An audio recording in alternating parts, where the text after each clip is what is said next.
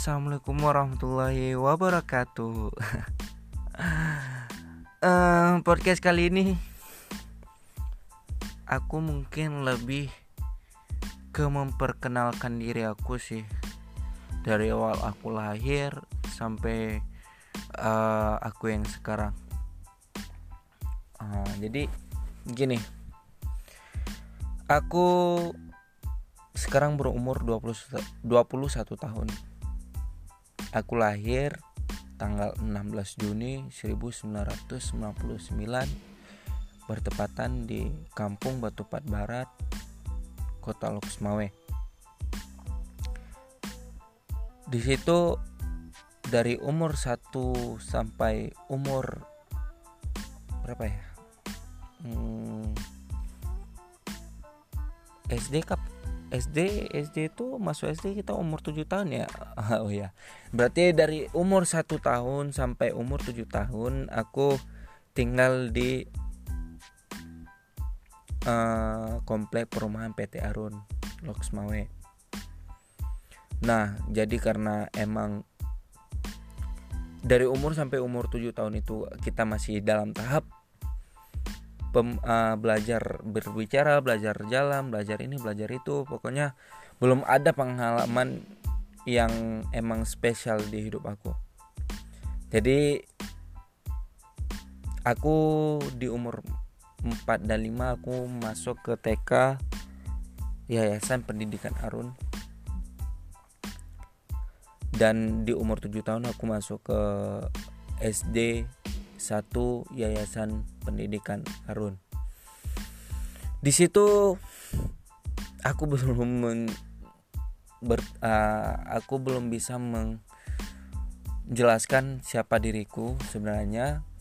Karena apa? Di situ aku masih ingin menjadi orang lain ingin apa yang ingin merasakan apa yang orang lain rasakan di situ aku mulai ceritaku awalnya emang ya gitu aku orang yang males belajar payah dalam olahraga dan payah dalam segala hal. Di situ aku mulai dibully. Ya gimana ya? Nggak dibully-bully banget sih sebenarnya maksudnya direndahkan gitu. Terus pikiranku mulai berubah ketika aku mulai menduduki kelas 5 SD di situ kepercayaan diriku mulai tumbuh yang awalnya aku payah dalam belajar aku payah dalam olahraga payah dalam segala hal tapi aku memilih untuk menekuni bidang olahraga yang aku sukai yaitu sepak bola. Dan ternyata di kelas 5 SD ini aku dapat dukungan dari ayah aku bahwasanya aku dimasukkan ke sekolah sepak bola. Sekolah sepak bola Arun di situ aku mulai menekuni apa yang emang aku inginkan. Di situ aku mulai berlatih bola uh, ikut-ikut turnamen. Dan karena aku emang orangnya yang tipenya cepet bosan maupun segala hal kecuali bekerja di situ nggak lama bertahan aku tuh mulai menyukai di bidang seni. Dan itu itu juga karena faktor karena faktor aku melihat orang gitu. Jadi dalam diri aku tuh mulai tumbuh bahwasanya orang bisa kenapa aku tidak gitu. Karena aku mulai bosan aku uh, bukan menghilangkan hobi uh, sepak bola aku tapi aku mengurangi. Dan aku mulai menekuni uh, bagian tarik vokal. Dulu aku SD vokalis. Walaupun suara aku nggak bagus-bagus amat yang penting aku percaya diri dan aku nggak pernah mendengar kata-kata orang lain celaan orang lain ya ada yang ketinggalan sih sebenarnya. Dulu aku sebelum aku masuk sekolah sepak bola di situ aku dapat cercaan. Karena aku emang payah di segala bidang. Kemudian sel selama aku emang menekuni apa hobi aku apa keinginan aku di situ mulai dapat support dari teman-teman lainnya. Dan kemudian uh, masuk ke SMP aku lebih tertarik ke seni yang masih dengan seni. Mungkin seni musik bukan seni yang lain. Karena yang seni yang lain aku juga payah ya ampun. Oh my god. Jadi di situ aku mulai sebenarnya uh, kelas 6 itu aku udah mulai jadi Syekh Saman kalau teman-teman tahu Syekh Saman itu Syekh itu adalah penyair atau penyanyi latar penari saman. Jadi bukan aku yang nari, yang awalnya aku pengen nari, jadi karena pelatih atau dibilang guru guru saman kami ini menyukai suaraku, jadi aku ditunjuklah sebagai Syekh Saman. Yaitu Syekh Saman itu adalah penyanyi latar penari saman. Ngerti nggak? Pokoknya gini gini pokoknya ya intinya aku nih penyanyi saman. Buka gimana? Aduh kuning aduh aduh pokoknya gini gini gini. Aku yang nyanyi mereka yang nari gitu intinya. Uh, contohnya kayak ini. Hai la otsa Ila na ombak me Halo na gapai ji Etra na mula Mula hai bacut Salah na bukan sah Lala na salamu Lafo na awai ba Gata. Gitu deh pokoknya. Sorry suaraku sekarang emang Aku udah merokok. Jadi gini dulu nggak segini. Ah jadi karena ada pengalaman eh, lanjut dulu. Jadi karena pengalaman aku tak dalam tarik suara di SMP aku mulai uh, yang namanya eh enggak sih. Sebenarnya dari awal aku masuk SMP karena emang aku terkenal Syekh Saman jadi aku mulai dipakai ke event-event perlombaan gitu. Jadi aku tetap jadi chef terus di naik ke kelas 2 aku tuh di kelas 2 aku tuh mulai memelajar uh, menekuni musik tradisional Aceh gitu jadi kan di Saman ini ada yang ngiringi pakai musik, ada yang ngiringi pakai nyanyian gitu kan. Maksudnya alat musik sama nyanyian gitu dan penari. Itu baru lengkap Saman. Jadi awalnya aku cuman syekh penyanyinya. Jadi di kelas 2 itu kami ada perlombaan festival lomba seni anak nasional. Oh, bukan anak nasional. Festival Lomba Seni Siswa Nasional atau yang disingkatnya itu FL S2N tingkat SMP jadi kami ada seleksi gitu seleksi lomba musik tradisional. Di situ aku mulai menekuni dan ternyata alhamdulillahnya kami lewat. Sebenarnya yang seleksi 8 orang yang lewat cuma 5 satu cadangan dan alhamdulillah aku termasuk bukan cadangan ya alhamdulillahnya bukan cadangan. Jadi aku masuk di situ aku mulai belajar yang namanya rapai geleng eh rapai pokoknya alat musik tradisional Aceh yang bernama rapai. Di situ aku ikut uh, menekuni menekuni menekuni dan aku tetap dipakai sebagai syekhnya masuk dari share-nya itu ya sekalian aku nyanyi sekalian aku main musik gitu. Di YouTube juga ada tuh videonya. Dan mm, alhamdulillah kami juara dua tingkat uh, provinsi. Jadi kami membawa nama kota provinsi eh kami membawa nama bukan provinsi sih oh kabupaten kota. Jadi kami membawa nama kota Loksmawe yang diperlombakan di Banda Aceh. Jadi yang masuk final tuh alhamdulillah kami masuk final. Jadi kami um, uh, bersaing dengan kota Melabo Aceh Barat. Dan walaupun kami tidak uh, apa walaupun kami bukan juara satu tapi kami juga udah berusaha sebisa mungkin mungkin bisanya sampai segitu. Tapi kami tetap bersyukur alhamdulillah mendapat piagam itu. Dan kemudian di kelas 3 3 SMA aku masih dipakai sebagai pemain rapai untuk mengiringi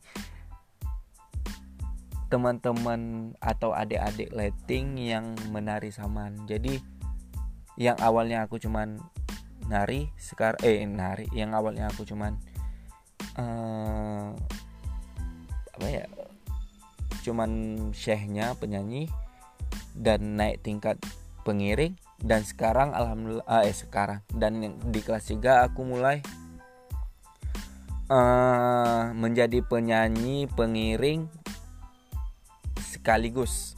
Jadi aku sambil main musik sambil nyanyi gitu. Dan mulai dari situ teman-teman aku tuh mulai pro dan aku pun di bidang olahraga mulai makjos mendapatkan penghargaan di uh, bidang sepak bola sebagai back terbaik pada 2014 di situ teman-teman aku udah mulai pro ke aku bahwasanya ya mereka dekat gitu dan mereka membutuhkan aku dan aku juga membutuhkan mereka. Dan aku sama sekali tidak pernah ada rasa dendam kepada mereka sekalipun. Dan masa-masa SMA jadi aku itu sebenarnya disuruh dan aku juga mau sebenarnya masuk ke SMA modal Bangsa Harun. Karena kakak aku kedua kakak aku ini dari TK sampai SMA pun mereka tamatnya di Arun. Sedangkan aku cuman stuck di SMP sebenarnya mau ngelanjutin di SMA modal Bangsa Arun cuman karena emang biaya mahal dan kemudian boarding school dan aku paling nggak bisa dikekang aku nggak bisa dikurung. Jadi ya aku udah tes juga udah tes alhamdulillah udah lewat. Tapi takdir berkata lain orang tuaku orang tua pun nggak sanggup ngebiayain sebenarnya. Bukan nggak sanggup sih lebih ya pokoknya daripada buang-buang duit ke situ aku lebih milih jalan keluar gitu kan. Maksudnya sekolah di luar. Aku uh, 2014 aku masuk ke tes di SMA Negeri 2 Loksmawe dan alhamdulillah lewat. Di situ aku pun mulai karena karena guru-guru uh, yang mewawancari aku dulu tuh tahu bahwasanya aku ini ada sertifikat uh, di bagian musik tradisional di situ pun aku mm, dipakai untuk event-event tertentu dan juga lomba. Dan juga selingan dari itu bahas-bahas di luar seni. Jadi ada seleksi yang namanya LKBB lomba kekompakan baris berbaris. Di situ aku mulai percaya diri karena apa? LKBB kan identik dengan TNI dan Pol Polri kan. Jadi karena cita-citaku emang menjadi TNI, ya aku mana ya aku jadi suka gitu kan suka dengan baris berbaris gitu kompak gitu uh, tegas dan lain-lain jadi ikut seleksi nih. Padahal tinggi aku itu nggak tinggi tinggi amat 160 Iya nggak tahu kenapa kok bisa lulus. Aku nggak tahu. Pokoknya itu terima kasih aja yang udah terima aku ikut itu. Dan aku lulus uh, dan kami mulai latihan latihan latihan. Dan pas hari H perlombaan ada hal yang enggak gua percaya tiba-tiba kami menang juara satu yang biasanya kami juara tiga juara dua ini bisa mengalahkan juara bertahan yaitu SMK 7 Loksmawe. Aduh, aku di situ mulai uh, bersyukur sih uh, bisa jumpa-jumpa orang orang apa ya, orang-orang baru, teman-teman baru yang baik hati. Di situ juga guru mulai proud, aku juga mudah merasa bahwasanya bukan merasa puas tapi merasa orang udah mulai percaya ke, ke aku gitu pokoknya nanti intinya akan ku cerita di belakang. Jadi orang percaya sama aku aku udah mulai banyak teman udah banyak pokoknya gitulah. Dan kegiatan aku udah mulai banyak juga semenjak itu. Dan aku di SMA 2 hanya du satu semester nggak sampai satu semester cuman tiga bulanan setelah aku uh, apa ya selama setelah lomba itu aku mendapatkan intimidasi dari uh, intimidasi dari uh, apa deh murid kelas eh bukan murid keras sih.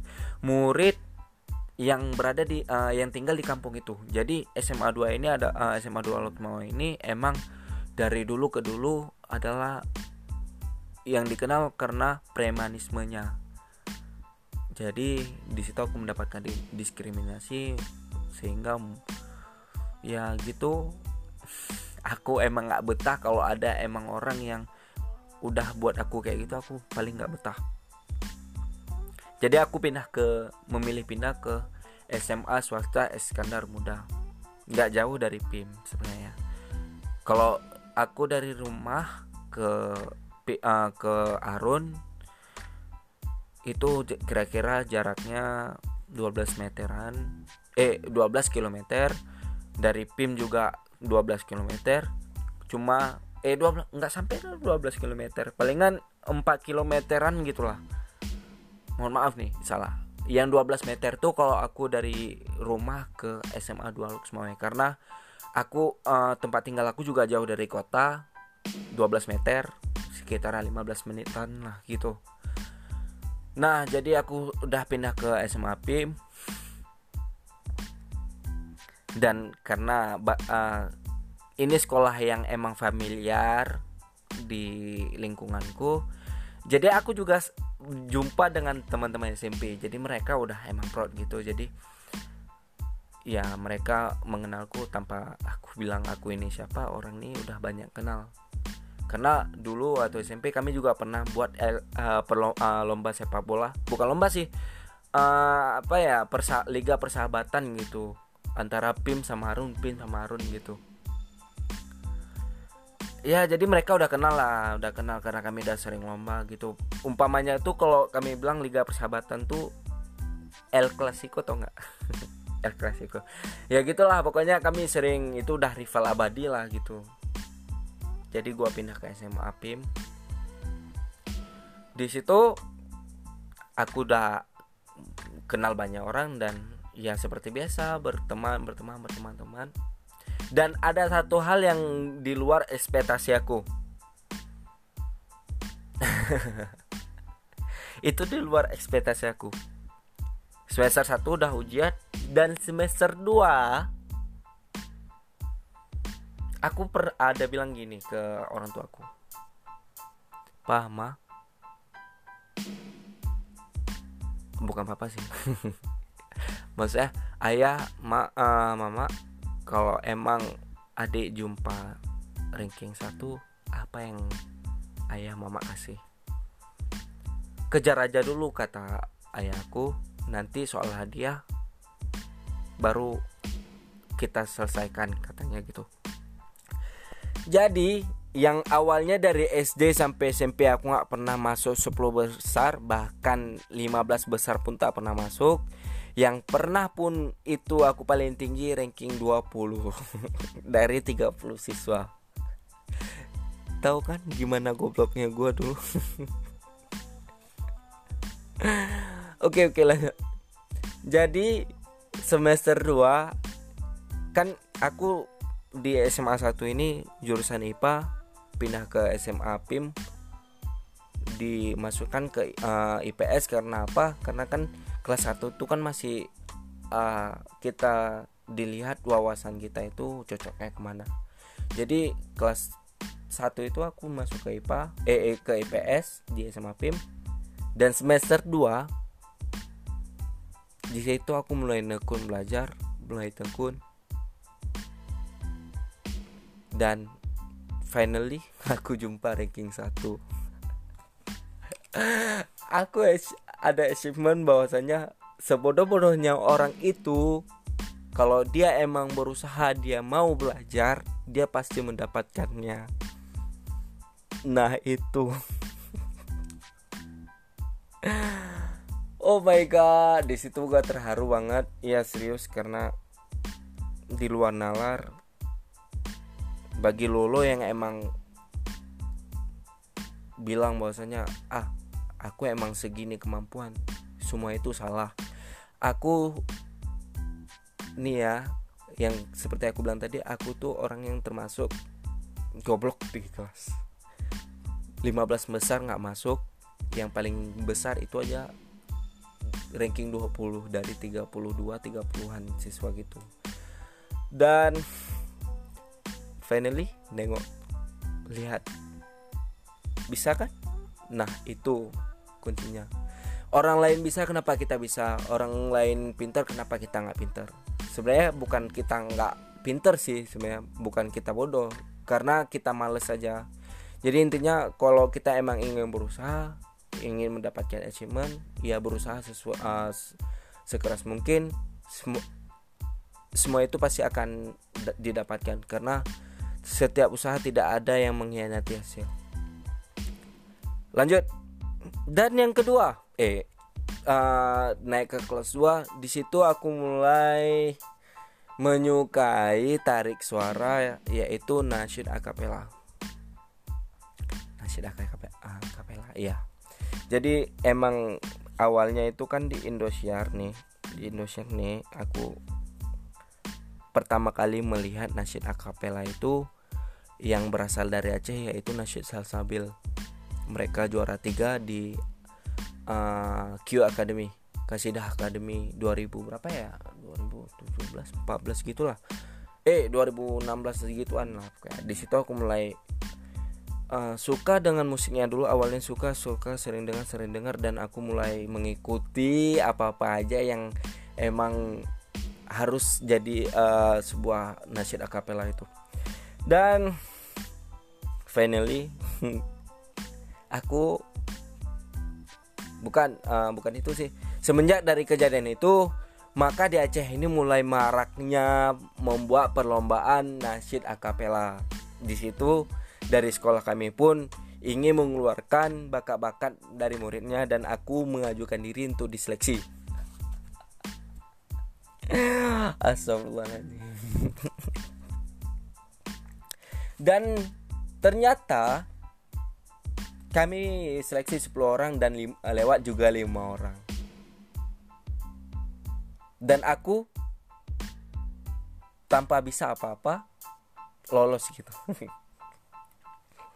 Jadi aku ditempatkan uh, diberi posisi yaitu bass penyanyi apa suara bass dan kami dilatih langsung oleh uh, salah satu anggota salbi, uh, salsabilnya langsung yaitu Bang Adi uh, ya kami di direkrut dan ujung ke ujung ujung aku baru tahu bahwasanya kan kami ada beatbox, ada bass, ada suara satu, ada suara dua, ada suara vokalis, eh ada suara vokal utama gitu kan. Jadi aku baru uh, di, baru tahu bahwasanya beatboxer kami ini ya itu beatboxer kami ini adalah uh, punya grup nasyid yang emang udah dua tahun berjalan gitu yang emang udah ada nama. Dan aku itu baru tahu. Dan ternyata kan mereka punya manajer nih mereka punya punya manajer eh jangan dulu bahas itu deh. Pokoknya bahas dulu jangan ya. Jadi dan kami tampillah pertama kali yaitu di acara Maulid Nabi di SMP Negeri Arun karena aku kenal sama guru jadi aku um, minta ke guru itu bahwasanya kami mau tampil nasyid uh, secara sukarelawan di acara Maulid Nabi di SMP kita bu. Apakah boleh? Dan alhamdulillahnya dikasih uh, diberi izin bahwasanya kami diberi pokoknya diberi waktu untuk tampil gitu. Di situ awal pertama kalinya aku langsung di depan keramaian orang. Di situ aku mulai uh, PD PD ku mulai tumbuh di semenjak itulah. Dan wah hari lomba ya kami udah tampil dan saat pengumuman kami gagal. Tidak masuk tiga besar. Dan aku di situ mulai berusaha berusaha berusaha berusaha berusaha berusaha berusaha. Dan tiba-tiba perlombaan itu sudah jarang jadi kan udah uh, apa ke, uh, gimana ya? Kita sudah mengasah kemampuan kita. Kalau dibiarkan kan sayang. Jadi aku mulai minta untuk bergabung ke grup teman aku yang aku bilang big boxer tadi yang emang udah ada grupnya selama 2 tahun yang emang udah ada nama. Awalnya dia bilang aku nggak janji nih no aku nggak janji sama lu. Cuman aku mau ngomong dulu ke manajer kami apakah boleh apa tidak gitu. Jadi uh, ya gitu gitu gitu gitu gitu dan aku dikenali sama satu anggota uh, grup mereka yang lainnya nama yang bernama Adam Adam Manan tapi sering disapa Ogin. Oh ya, yang Makrozal ini aku eh Makrozal yang big box big boxer ini aku lupa kasih tahu namanya yaitu Makrozal. Jadi dibawalah aku ke tempat si uh, ke si Ogin ini dan di situ aku mulai banyak uh, menerima banyak ilmu, diajarin ini, diajarin itu yang awalnya cuman bass dan aku udah mulai bisa menguasai suara tiga. Atau yang dibilang vokal 3 di situ aku bertemu dengan manajer mereka. Uh, yang dibilang ini. Ya yang dibilang dibilang uh, manajer mereka ber, berkata begini. Sebenarnya saya bukan nggak mau menerima kamu dan saya menolak kamu atau bukan juga saya mau menerima kamu kayak pokoknya gitulah. Saya nggak bisa bilang menerima nggak bisa bilang nggak terima. Kenapa? Sebelumnya juga ada orang minta-minta uh, ingin masuk ke ingin join ke grup kami cuman setelah dia mendapatkan sedikit budget dia sudah mengeluh dan keluar tanpa sebab jadi aku diberi masa gimana ya? Kalau dibilang di training lah. Jadi training kalau di K-pop K-pop tuh gue jadi trainingnya jadi trainee selama tiga bulan dan alhamdulillah gue juga diberi kesempatan dan saat itu diberi baju seragam dan aku ditunjuk sebagai leader. Karena setiap tahunnya mereka ganti leader gitu dan aku ditunjuk sebagai leader supaya aku bisa bertanggung jawab atas semua uh, semua urusan mereka. Dan di situ kan lihat nih uh, usaha tidak akan pernah mengkhianati hasil. Ya kan? Nah itu lo bisa ambil kutip semua dari cerita gue tadi. Ini belum habis masih setengah. Ya pokoknya gitulah tidak ada usaha yang pernah mengkhianati hasil. Dan di situ aku mulai bergabung ditunjuk sebagai leader. Dan gua kan masih dalam satu sekolah nih. Jadi karena emang kami setiap harinya ada manggung di pesta-pesta uh, pernikahan di acara resepsi orang jadi kami sering cabut dong sering buang izin sering buat seri, uh, alasan sakit. Dan ada satu ketika ketika itu ini momen lucu sih dan momen menegangkan uh, kami ada perlombaan di Sumatera Utara, lebih tepatnya di Medan, di uh, Universitas Sumatera Utara. Jadi perlombaan ini adalah se Sumatera. Jadi kami ada ikut lomba nasyid. Jadi ada latihan rutin emang setiap hari se seminggu eh ya seminggu sebelum hari H. Kami ada latihan rutin untuk uh, pokoknya untuk mentok gitu. Jadi di latihan yang kelima kami nggak tahu di hari kelima itu emang ada latihan. Tapi di hari kelima itu ada perform nasyid di luar gitu perform nasyid di luar dan gue memilih karena nasyid uh, di luar dapat budget di latihan di di sekolah nggak ada budget jadi gue memilih yang ada budget dong. Dan gue ikutlah ke sana dan tiba-tiba karena ada latihan di sekolah orang uh, sampai kepala sekolah nelpon ke rumah kenapa anak saya uh, kenapa anak kita nggak sampai ke sekolah? Atau nggak datang ke sekolah?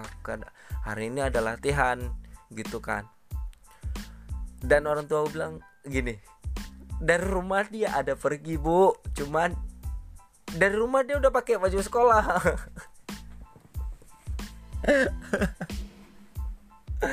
Oh ya Allah berasa banget gue ya Allah ya kayak gitulah. Pokoknya sampai rumah gua dihakimi bukan hakimi apa ya dihakim. Bahwasanya gini sekarang gini Ibnu kamu mau pilih sekolah atau mau memilih nasyid? Kalau emang kamu memilih nasyid kamu harus putus sekolah. Kalau emang kamu mau milih sekolah kamu harus berhentiin dulu sementara nasyid sampai tamat sekolah. Setelah tamat sekolah itu terserah kamu katanya dan di situ gua memilih sekolah tapi itu semua bohong. Ya Allah maafin aku ya Allah. Pak maafin aku ayah maafin aku ya kok dengar ini. Walaupun belum terkenal. Kan suatu saat nanti kalau emang aku terkenal insya Allah atau aku emang didengar banyak orang pasti otomatis kan orang tua aku juga mendengarkan isi podcast aku kan. Ya jadi ya gitulah. Pak aku minta maaf ayah aku minta maaf dan ada cerita lain lucu lagi. Ketika itu kami perform di luar. Kami ya alasannya masih alasan lama sih. Kalau nggak sakit izin? Atau emang nggak ada keterangan sama sekali? Ya ketika itu kami emang nggak tahu sih karena yang kami tahu cuman kami uh, perform di acara guru. Guru guru menikah gitu guru muda menikah. Jadi kan kami nggak tahu tapi kami uh, tampil ini di daerah emang daerah Dewantara gitu. Dewantara itu maksudnya kecamatan. Jadi kan kok di kalau PNS PNS ini kan emang ada forumnya gitu kan. Jadi kami kurang tahu bahwasanya kami tampil itu di enggak ekspektasi kami ini oh ya udah kami tampil aja gitu ya kan? Dan ternyata guru-guru SMA kami itu datang semua ke acara itu. Gimana tuh muka lu? Aduh ya Allah gimana lu bayangin lu? Lu nampil nasyid kan? Sedangkan guru lo datang ke situ. Lo dibilang gini lo lo kena uh, kalian kenapa nggak masuk sekolah? Tadi di absen ada yang ibu lihat ke kalian itu? Ada yang ibu lihat kalian itu yang sakit. Ini kenapa bisa uh, nasyid? Pokoknya di situlah berbincang-bincang dan akhirnya ada wakil kepala sekolah yang emang berbaik hati ibu Salmi. Yati ibu I love you. Ibu tuh bilang gini kalian di sana ada izin nggak? Nggak ada ibu. Kami emang nggak ada pergi dari rumah oh ya udah nanti biar ibu datang ke sekolah biar ibu uh, ke kelas kalian biar ibu tanda tangan nih bahwa saya kalian izin. Gimana tuh baiknya guru? Nah karena apa? Karena bakat dong. Ya Allah sombong. Pokoknya gue udah banyak mengharumi nama SMA PIM dan juga mengharumi nama orang tua dan di situ kami juga mulai naik naik naik naik dan terkenal sampai ke Sumatera Utara dan sering juga tampil di Sumatera Utara. Dan itu adalah achievement gue yang emang wah, gimana ya emang paling tinggi ya paling tinggi achievement yang emang udah paling tinggi itu adalah itulah nasyid akapela itu. Jadi nama nasyid gua nama grup nasyid gua itu adalah nada akapela kalian boleh buka di YouTube nada akapela yang beranggotakan tujuh orang. Yang awalnya Maman, Aris, Na, uh, Moli, aku, Ogin, Mokrozal dan masih banyak uh, staff-staff lainnya. Uh, kemudian aku SMA selesai tamat SMA karena aku banyak salah sama kepala sekolah aku meluk SMA kepala sekolah. By the way kepala sekolah aku ini adalah seorang cewek. Ya seorang cewek maksudnya cewek guru kepala sekolah itu cewek. Jadi ya gitu karena aku banyak salah ibu itu meluk aku. Yang satu kata satu kalimat yang emang aku terbayang sampai sekarang. Ibu yakin kamu pasti akan sukses ke depannya. Itu yang buat aku nangis yang buat aku meluk ibu tuh sejadi jadinya nangis sejadi jadinya ya gitulah. Sampai masa SMA dan kemudian uh, masa perkuliahan aku disuruh kuliah tapi aku nggak mau. Karena apa? Karena aku mulai nyari dap, uh, bisa cari duit sendiri itu kan dari SMP tuh karena aku emang sering manggung musik tradisional nari saman dan lain-lain. Jadi apa pun dari SMA itu aku kerjain. Seperti contohnya rabat beton uh, apalagi. Pokoknya banyak pekerjaan-pekerjaan kuli yang aku kerjain dulu dan SMA aku emang karena emang udah keenakan cari duit jadi aku lebih memilih emang nyari duit berharap di satu nasyid di, berharap cuman di nasyid akapela itu. Dan ternyata ekspektasi aku itu gagal atau salah. Kenapa? Kita nggak bisa emang mengharap yang emang bukan itu pasti adanya setiap saat gitu ya kan? Kalau kami ini kan nampil nasi itu kan nggak setiap saat seminggu palingan tiga kali atau empat kali gitu. Paling paling banyak itu seminggu full. Uh, jadi aku di situ udah mulai terbuka pikiran bahwasanya aku ingin mencoba pekerjaan lain. Dan sa satu emang sifat aku itu adalah ingin mencoba hal-hal baru bisa dibilang mulai aja dulu ngapain takut gagal. Dan di situ aku mulai masuk ke dunia pasar malam. Gua berjalan uh, aku berjualan es krim. Uh, ya aku berjualan es krim selama satu tahun. Dan tiba-tiba banyak juga pengalaman nggak mungkin aku uh, bicarakan sekarang karena nanti durasinya banyak kali ini aja udah 39 menit. Pokoknya setahun aku jualan es krim ke mana-mana keliling Aceh. Dan aku akhirnya masuk ke maksudnya di waktu itu Universitas Maluku Saleh uh, universitas ternama juga di Aceh membuat bazar. Jadi aku masuk dan aku berjualan di situ berjualan jualan jualan dan akhirnya bertemu dengan orang baru lagi. Nah kan? Bertemu orang lagi uh, lagi yang bernama Bang Dedi Hai Bang Dedi jadi abang uh, Bang Dedi ini berjual uh, jualan yang namanya minuman-minuman kekinian yaitu squash minuman squash tahu nggak? Tea dan lain-lain di situ aku mulai ingin uh, memulai hal baru lagi yaitu aku mau masuk eh mau berjualan itu dengan uh, Bang Dedi ya aku di welcome juga ternyata dan aku sempat dibilang kepala cabang sih. Dan aku berjualan-jualan dan ternyata aku mendapatkan rezeki bahwasanya ada pekerjaan kontrak di perusahaan PT Arun Loksmawe. Jadi emang bantuan dari ayahku juga karena ayahku pun uh, apa uh, seorang keamanan di di sana. Jadi aku masuk dan ternyata aku suka juga kerja kerja begitu. Dan di situ aku juga uh, mulai melatih skillku ngelas. Pokoknya banyak skill yang udah aku dapatkan di sana. Dan ternyata aku habis kontrak nggak disambung lagi. Hmm, sekarang ini aku udah buka uh, counter sendiri counter HP sendiri. Jadi ya gitu. Jadi inti pembicaraan kita hari ini eh uh, inti pengalaman aku itu adalah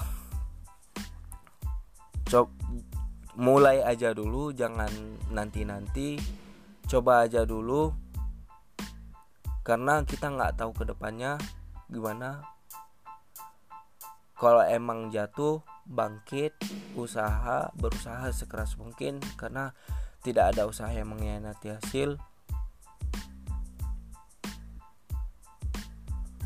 Hmm, jangan pernah down terhadap omongan orang lain. Pokoknya inilah diri lo lo, lo yang jalanin lo yang ngatur semua lo yang jadi raja lo yang jadi ratu. Pokoknya just be yourself and love yourself. Itu aja pesan dari aku. Mungkin ini durasi udah terlalu panjang. Ya maafin kegaringan aku nggak mungkin aku sambung karena pengalaman hidup aku ini banyak banget. Nantilah masalah keluarga nanti aku bicarakan uh, di podcast selanjutnya. Uh, aku Ibnu Sina lebih kurang aku minta maaf. Uh, jangan lupa share ke teman kalau emang ini bagus. Jangan lupa mau aku mau aku mau bilang like, comment, dan subscribe. Rupanya aku belum ada akun YouTube. Oke, okay, maaf teman-teman karena saya terlalu panjang. Sekian dari aku. Assalamualaikum warahmatullahi wabarakatuh. See ya.